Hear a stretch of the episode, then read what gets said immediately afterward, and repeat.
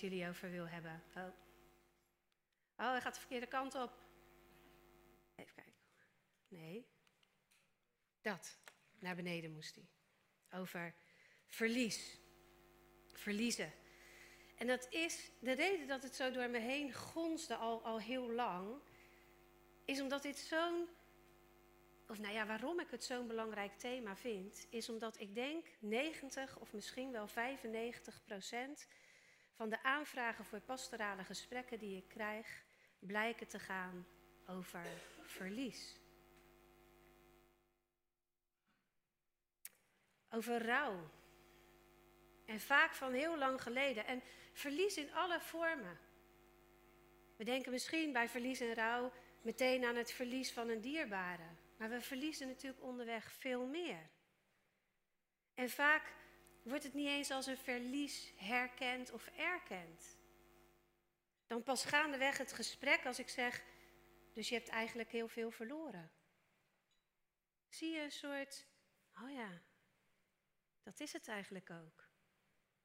En, en pas dan komt er ruimte voor verdriet, voor de rouw.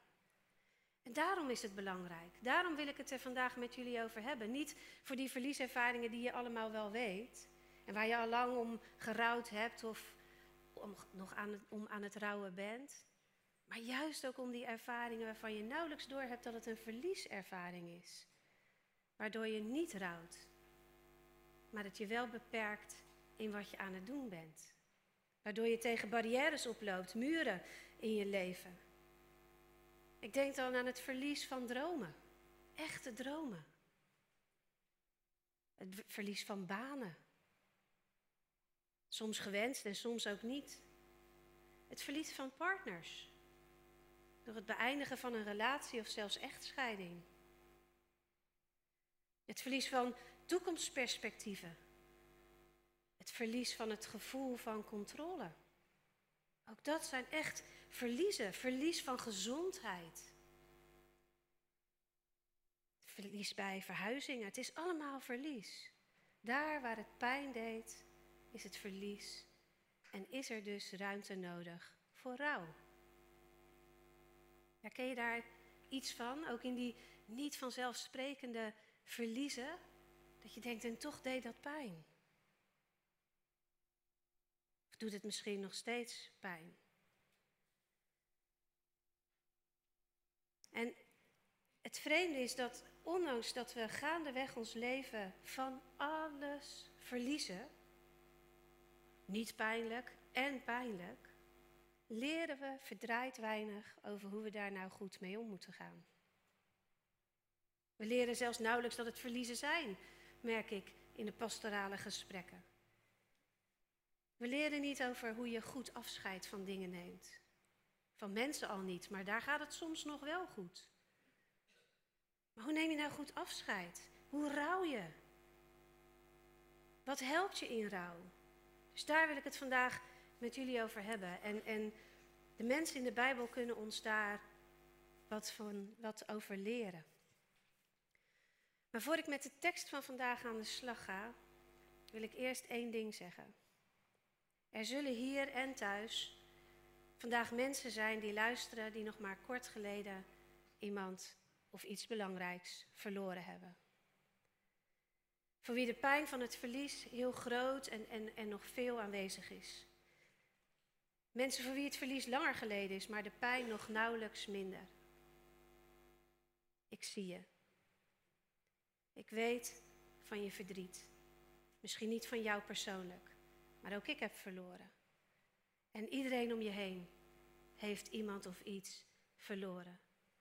We delen deze ervaring met elkaar. Er is begrip om je heen en God kent je als geen ander. En ik besef dat dit vandaag voor jou dan misschien geen gemakkelijke preek zal zijn. Maar probeer te blijven. En als het nog te vroeg is om de lessen over rouw werkelijk tot je te nemen, laat dan gewoon de tranen er zijn. Het is oké. Je bent geliefd en je bent veilig. En je tranen zijn veilig, hier bij ons. En als je hier bent En jouw verliezen zijn vandaag wat minder pijnlijk aanwezig. Houd dan oog voor de mens naast je. Kijk af en toe om je heen. Zet je voelsprieten wat uit. Rijk een zakdoekje aan. Of schuif een beetje dichterbij.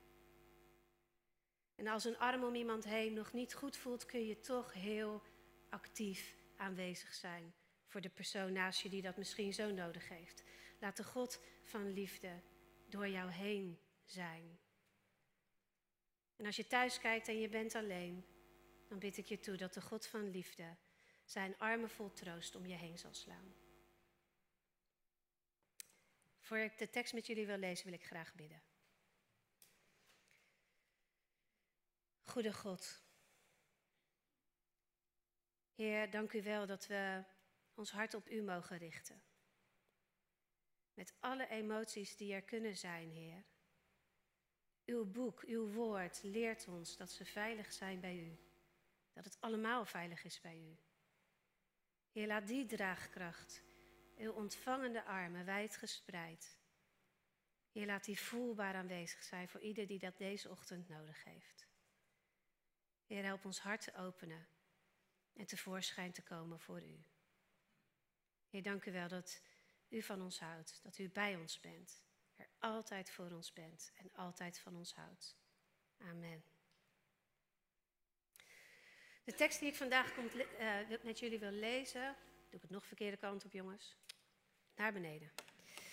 Komt uit Klaagliederen, hoofdstuk 3, vers 17 tot 20. Hij komt uit precies het midden van het boek. Het zijn vijf hoofdstukken.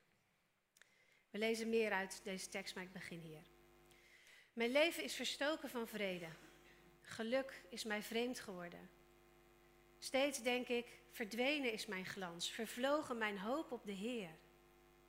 Gedenk mijn nood en mijn zwervend bestaan, de alsem, bitterheid en het vergif.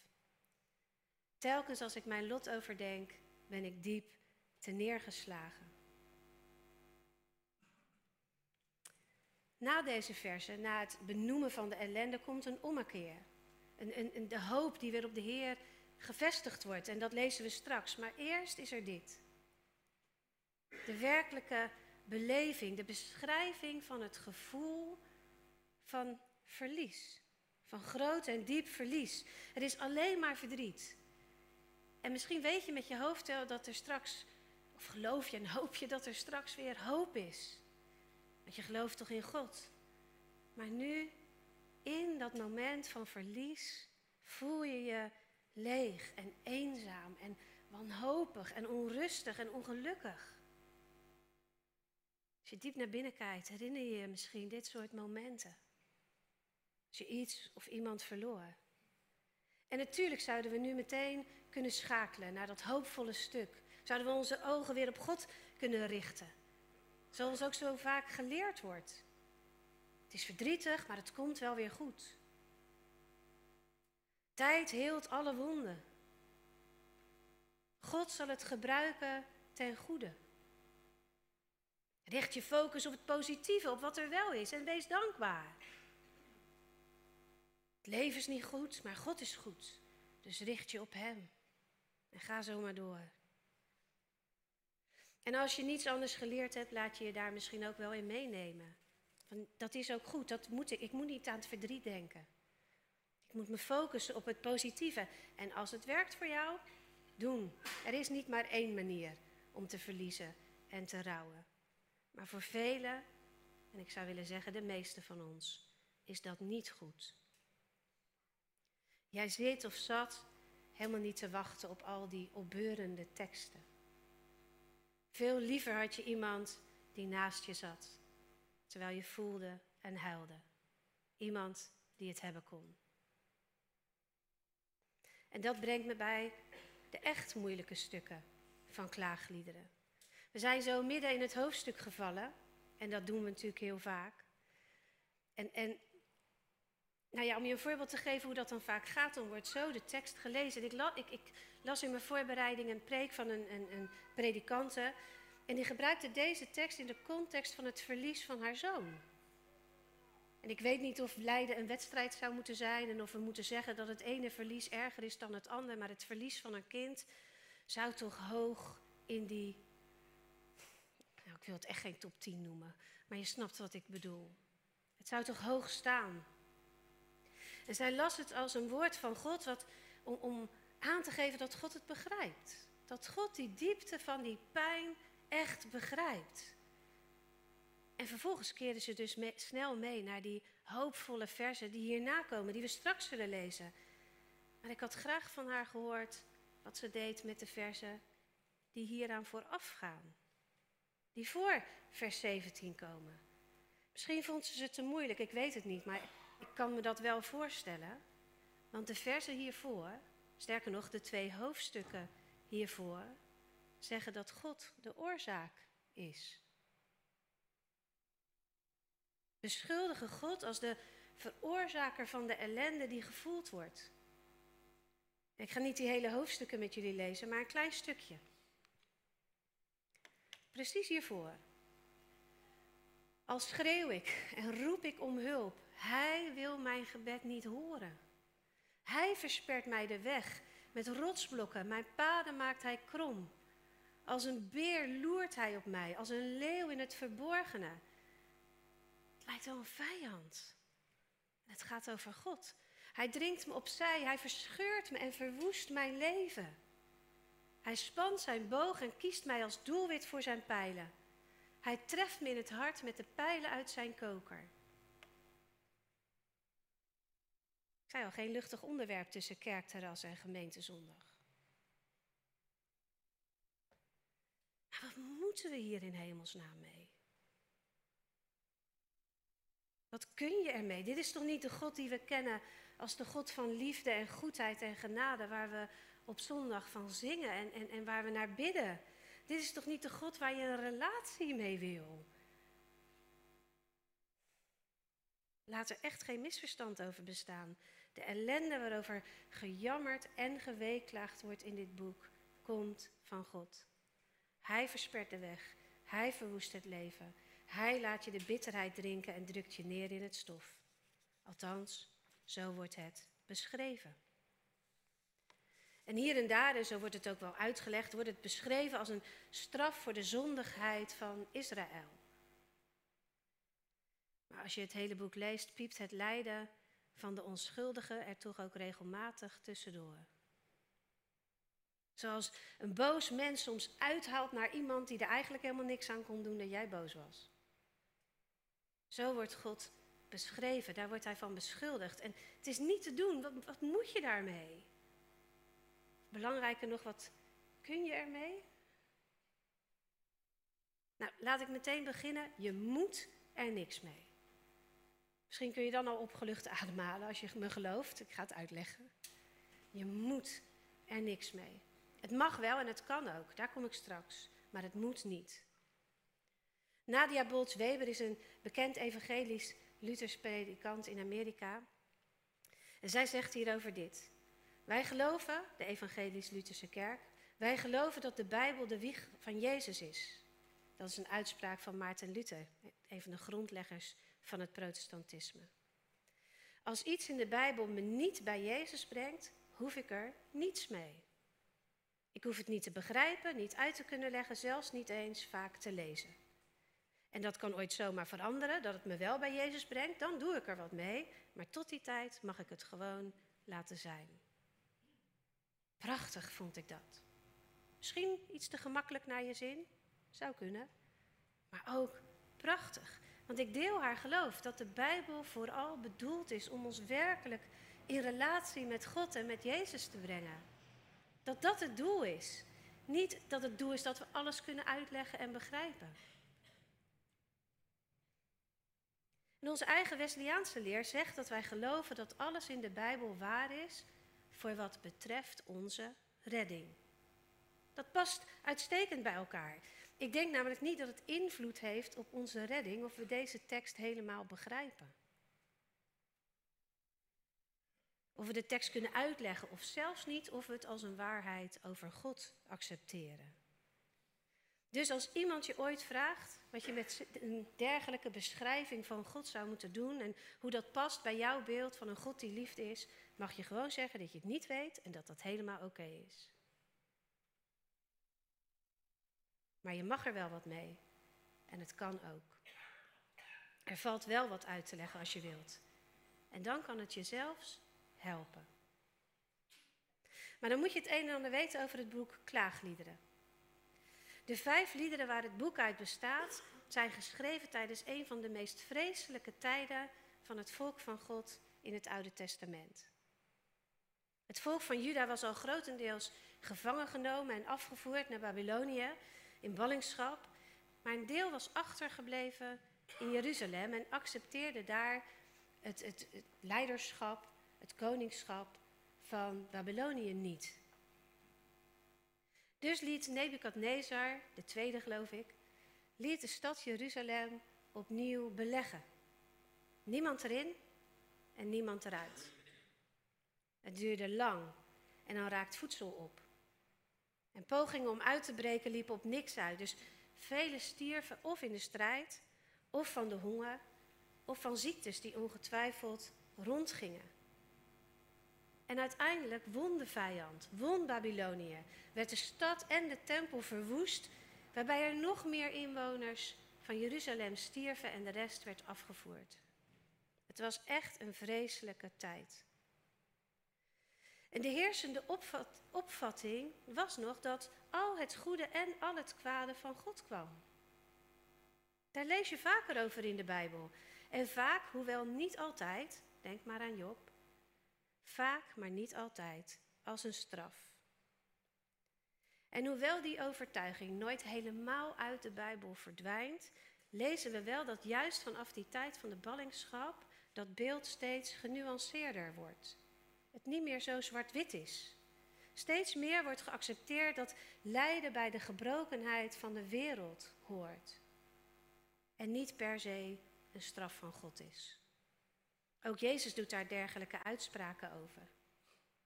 En hier in Klaagliederen gaat het over een grootschalige oorlog. Gewoon een machtswellustige koning die oorlog voert om land. En dat in de context van hun geloof het volk zoekt naar een reden is niet raar. Onze taal kent ook de uitdrukking: waar heb ik het dat aan verdiend? Zelfs ongelovigen die niet eens geloven dat er een God is bij wie je iets wel of niet zou kunnen verdienen, doen dergelijke uitspraken. Dat is gewoon hoe het kan voelen, zonder dat dat per se zo is. In de gedichten, want dat zijn het, liederen, gedichten, poëzie. In dit Bijbelboek is er ook echt geen eenduidigheid over waar het vandaan komt en waarom. Dan moet je het helemaal lezen. Soms wordt de ellende in verband gebracht met de zondigheid of afvalligheid van het volk, maar dat is maar één van de stemmen in het boek. Het is niet zwart-wit en het antwoord op de vraag waarom is niet eenduidig.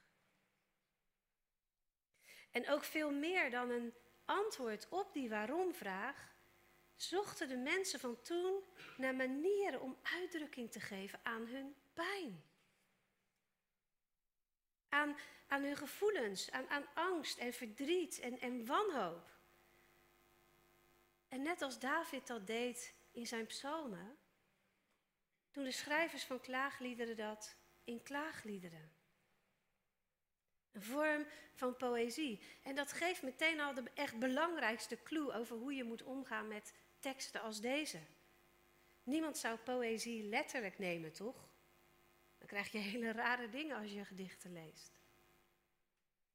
Dus je moet het niet lezen als een waarheidsbeschrijving van hoe het was, maar als teksten die uitdrukking geven aan diepe gevoelens. En we scharen ons ook daarmee achter Jezus. Dus ik heb alle vertrouwen dat we dat zo mogen doen. Als Hij, als Jezus aan het kruis roept, God, mijn God, waarom hebt u mij verlaten? Citeert hij Psalm 22. Hij, hij gebruikt een psalm om, om, om zijn diepste gevoel van dat moment tot uitdrukking te brengen. Hij spreekt in zijn grootste nood zijn gevoel van verlatenheid uit.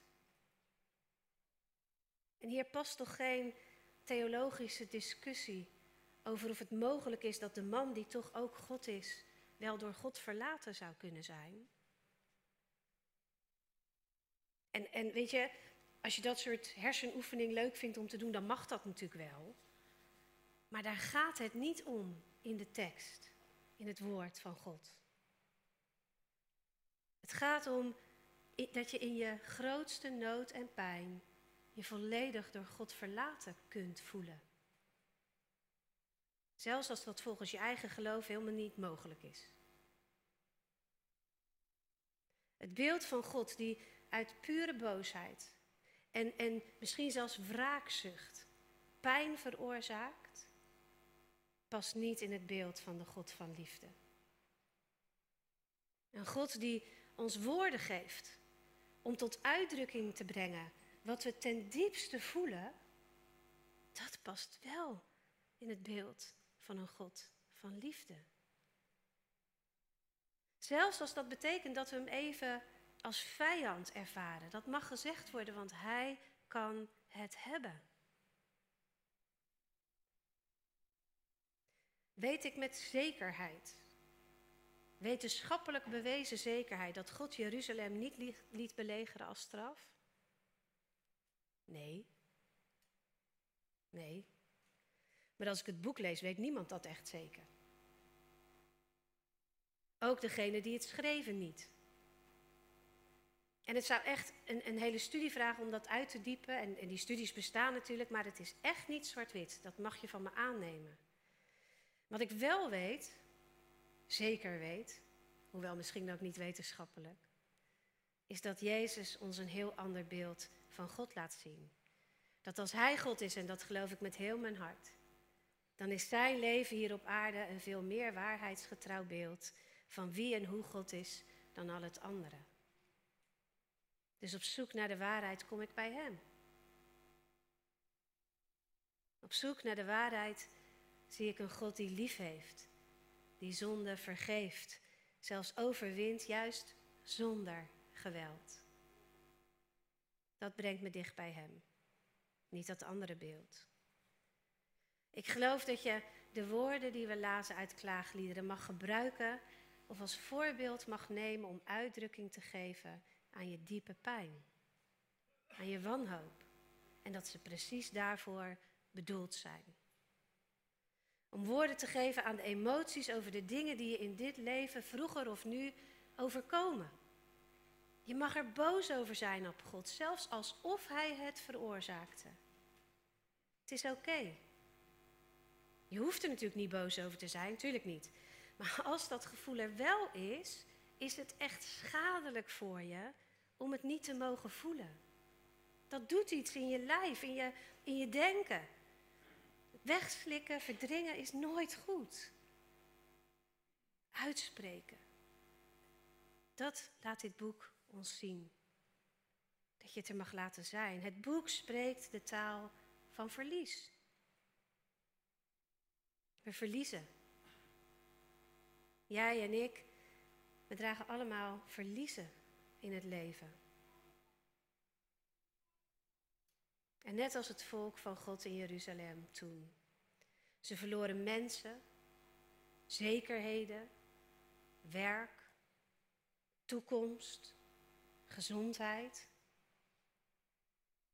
Dus als wij een voorbeeld nemen aan hen, als we de les hier van de Bijbel volgen, dan hebben we dat eerst goed te doorvoelen. Het er echt te laten zijn, niet weg te duwen. En als er tranen zijn, die te laten stromen. En alle woorden ook van boosheid en van wanhoop er te laten zijn. Steeds opnieuw, zolang als het duurt. Als prediker zegt, er is een tijd om te huilen en een tijd om te lachen. Een tijd om te rouwen en een tijd om te dansen. Dan bedoelt hij niet dan bedoelt hij niet dat als de tijd van rouw voorbij is, je nooit meer mag huilen. Dat zou wat zijn. Dat het dan klaar is. Veel meer lees ik een, een slingerbeweging. Daarom heb ik hem zomaar een beetje professorisch geprobeerd te tekenen. Een slingerbeweging. Het leven neemt ons mee op bergen en dalen. Zo had ik het ook kunnen tekenen. Het wisselt elkaar af. Van huilen naar lachen, naar, van rouwen naar dansen, van zoeken naar verliezen. Bewaren en weggooien. Zijn zomaar een, een greep uit een paar woorden uit hoofdstuk 3 van Prediker. Er staan er nog veel meer. Zo gaat het ook in de tijd van rouw. Er zijn tranen over het verlies en gemis. En dan ben je weer even helemaal bezig met het oog op de toekomst. En dan opeens zijn die tranen er weer. Rouwen gaat over allebei. Over het verdriet er laten zijn en je steeds weer richten op de toekomst. Er staat geen punt achter rouw. Het kan er zo opeens maar weer zijn, ook jaren later. En dat mag. Dat is oké. Ik leerde ooit een soort vuistregel. Als er tranen zijn om verlies uit het verleden, ik heb het niet over als het heel vers is, maar als er tranen zijn om verlies uit het verleden en die komen omhoog en het gevoel duurt, nou, maximaal een minuut of twee, dan is het helemaal oké en normaal en verwerkt verdriet. Die gevoelens van rouw en gemis kunnen jaren en jaren later gewoon af en toe nog even oppoppen. En dan ga je ze voelen en je gaat verder. Dat is wat het is, gemis. Maar als tranen en gevoelens van verlies, van verdriet, echt langer duren, en dan bedoel ik niet echt op stopwatch tijd natuurlijk. Maar als je merkt dat je er steeds weer ingetrokken wordt en erin blijft en, en het verdriet of de boosheid je maar, maar steeds opnieuw weer in de greep krijgt, dan noem je dat gestolde rouw. Zo heet dat. Dan is er iets wat nog niet verwerkt is. Het rouwen, het afscheid nemen is niet klaar. En je hebt niks verkeerds gedaan. Het gaat niet over goed of fout. Het is wat het is. Er valt nog wat te doen. En vrijwel altijd is het zo dat er dan niet goed afscheid is genomen. Misschien is iets belangrijks niet gezegd. Misschien zijn er gevoelens niet gedeeld, omdat er geen tijd was of omdat je nog niet eens wist dat je ze had. Misschien was je te jong. Misschien had er vergeving plaats moeten vinden. Dat zijn de moeilijkste.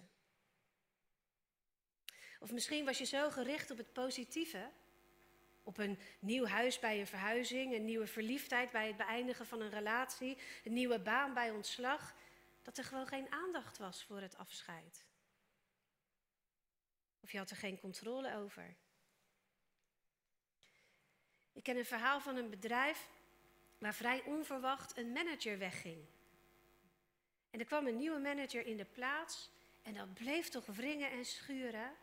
Het lukte maar niet, het lukte die manager maar niet om werkelijk contact te maken met zijn medewerkers. En het was echt een mensenmens, dus hij snapte er niks van. Hij kwam er maar niet doorheen. Hij, mensen wilden niet doen wat hij zei. En, en er gebeurden allemaal rare dingen. Het lukte maar niet. Het klikte niet. Maar voordat hij werkelijk over ging overwegen om toch maar een andere baan te zoeken, omdat hij hier echt niet blij van werd, sprak hij iemand die gespecialiseerd is in verandermanagement. Ja, het is een vak. En die zei: Misschien moet er eerst nog eens gelegenheid komen om goed afscheid te nemen van die vorige manager. Nou, hij vond alles proberen waard. Dus er werd een, een leuk diner georganiseerd en er werden woorden van afscheid gesproken. En het was allemaal goed gestroomlijnd, niet eens helemaal spontaan, maar gezorgd dat het echt goed gebeurde. En niet lang daarna bleek dat de meeste medewerkers, dat er bij hen ruimte kwam voor een goede samenwerking. Ze misten gewoon het oude en hadden daardoor geen plek voor het nieuwe. De verhalen zijn legio. Misschien is het voor jou een relatie die te abrupt werd beëindigd. En heb je nu moeite om je werkelijk open te stellen voor nieuwe liefde? Er botst steeds iets in je huidige relatie. En in therapie blijkt het te maken te hebben met het onverwacht verlies van een ouder. Kan zomaar zo zijn. Of het niet kunnen aarden op je nieuwe woonplek. Omdat je geen echt afscheid hebt genomen van de plek waar je zoveel hebt meegemaakt. Ik noem geen namen, maar je weet wie je bent. Graag een huisdier willen. Maar het gewoonweg niet meer aandurven. Omdat je je vorige hondje zo onverwacht overleed en je daar nog zoveel pijn van hebt. Maar daar wil je het met niemand meer over hebben, want die vinden dat toch allemaal maar stom. Het was toch maar een dier. Of nog een voorbeeld uit de praktijk.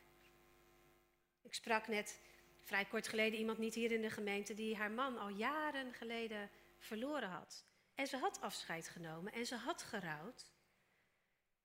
Maar nu wilde ze verder met haar leven en ineens greep het er weer steeds aan. Voelde ze steeds de tranen weer hoog zitten, was er steeds weer verdriet en ze sprak er eigenlijk met niemand over, want ze vond het zo stom. Het was toch al zo lang geleden? En al pratend begreep ik dat het nu ging om de eenzaamheid van het verder leven. Alleen, zonder partner. En ook dat is het verlies. Het verlies van een toekomstbeeld van samen. En daar mocht ze opnieuw, ook vijf, zes jaar later, echt verdrietig over zijn. Dat hielp om dat te beseffen. We kunnen het gevoel hebben dat alle hoop en vrede ons verlaten heeft, zoals dat klaaglied beschrijft. En dat hebben we te doorvoelen. Toe te staan in onszelf. En ons niet druk te maken over hoe groot of hoe klein de andere mensen ons verlies vinden.